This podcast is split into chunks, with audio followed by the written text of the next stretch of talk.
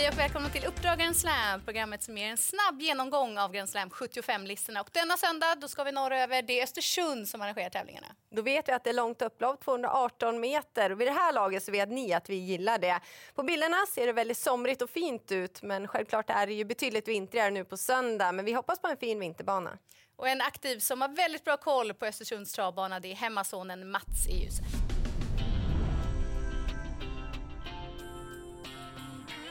Ja, Mats, din gamla hemmabana Östersund. Är det något speciellt som spelarna ska tänka på? Det är ganska långt upplopp ändå. Ja, precis. Så, eh, så att eh, ja, det finns mycket mark att plocka längder på upploppet ner och så är det ju, ja, startbilen går ju, kommer, ju- starten kommer långt in på rakan så de innersta spåren hinner ju få upp farten då. Eh, Så det är bra att ha innerspåren. Ja, det är såklart att Mats har bra koll på banan och med tanke på det långa upploppet så är det ju faktiskt färre vinnare från ledningen och framförallt vintertid. Då är det ännu svårare att vinna från spets. Det är värdefull information att ta med sig när man ska analysera omgången. Nu vidare till veckans etapp.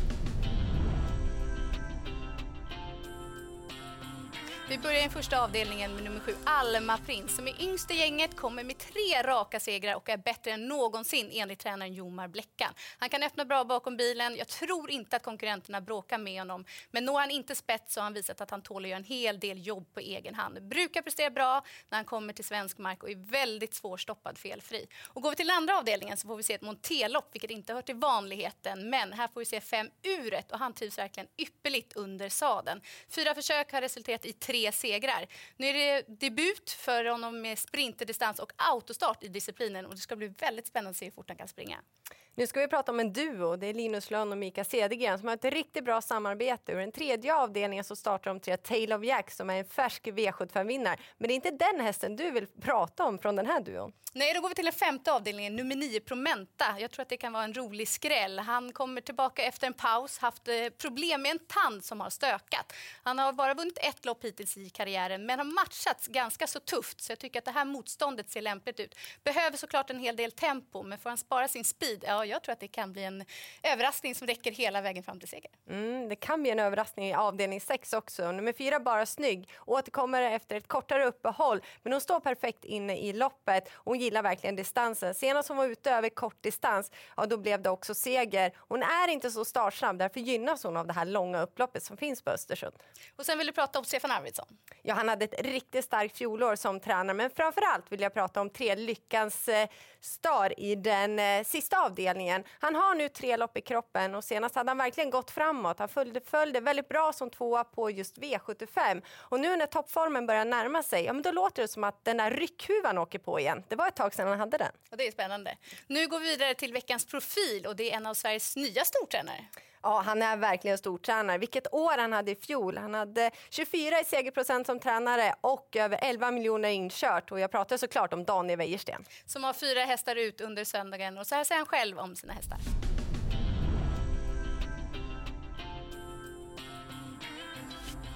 Gunnar han kommer ju från två lite mm, eh, insatser som, ja, resultaten har väl kanske inte blivit så som vi hoppats på, men eh, det blev en väldigt tuff öppning senast och eh, det jag tar med mig från loppet, det var väl att eh, jag för, för, av förståeliga skäl blev han lite trött, men, men att han höll, höll ändå ihop travet bra och eh, känns fin i träningen efter det och känns väl som att han ska sträckas. Eh, Taylor Jacks är ju en häst man har respekt för och fick spår innanför dessutom. Men vi ska göra ett försök i alla fall och, och, och slå den.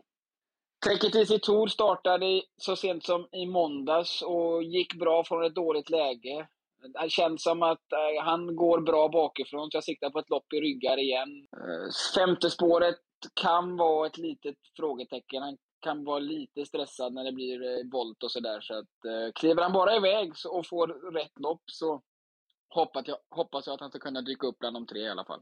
Heide K eh, har varit ute på 2,6 två gånger, vilket jag tror kanske inte är jättepassande distans. Men de två loppen borde ha gjort henne gott och, och hon har hon har hunnit bli fem år och inte startat så mycket så att eh, hon borde ha, eller hon har lite, lite pengar på sig i förhållande till kapacitet. Så att eh, vi får se lite var, hon, var vi hamnar härifrån. Hon har öppnat bra bakom bilen och lär säkert få en hygglig position, även om det kanske kan bli tufft att, att nå ledningen. Men eh, i ett öppet lopp så tycker jag ändå hon kan vara, kan vara värd ett streck och vi har siktat lite grann mot det här loppet och hon stod inne bra på propositionsmässigt också.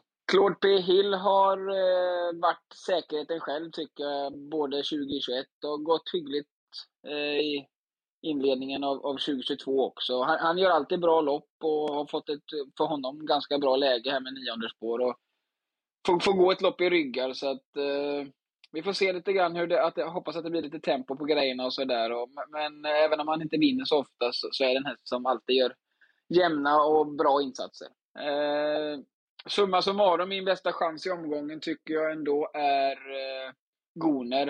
Eh, jag tycker han har sett fin ut här i veckan och på sin hårdhet så, så som sagt, även fast vi fick spår innanför, eller utanför värsta konkurrenten så tror jag ändå på, på eh, bra möjligheter för honom. Daniel Wäjersten håller Goner som bästa chansen. Håller du med? Ja, men det måste jag göra. Han är verkligen härdad på V75 och om han lever upp till sitt kunnande, då ska han ses som en bra chans. Nu vidare till veckans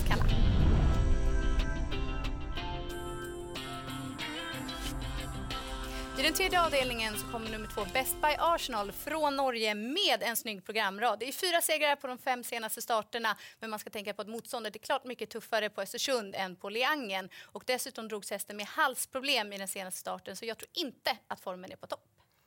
Och I den sjunde avdelningen stod nummer ett Belles Frontline för en stark insats vid segern senast. Men då mötte hon endast ston och nu måste hon möta både hingstar och vallacker. Och även om innespåret bakom bilen är fördelaktigt är det inte helt givet att hon kan försvara det. Hon kommer bli rejält utmanad från start.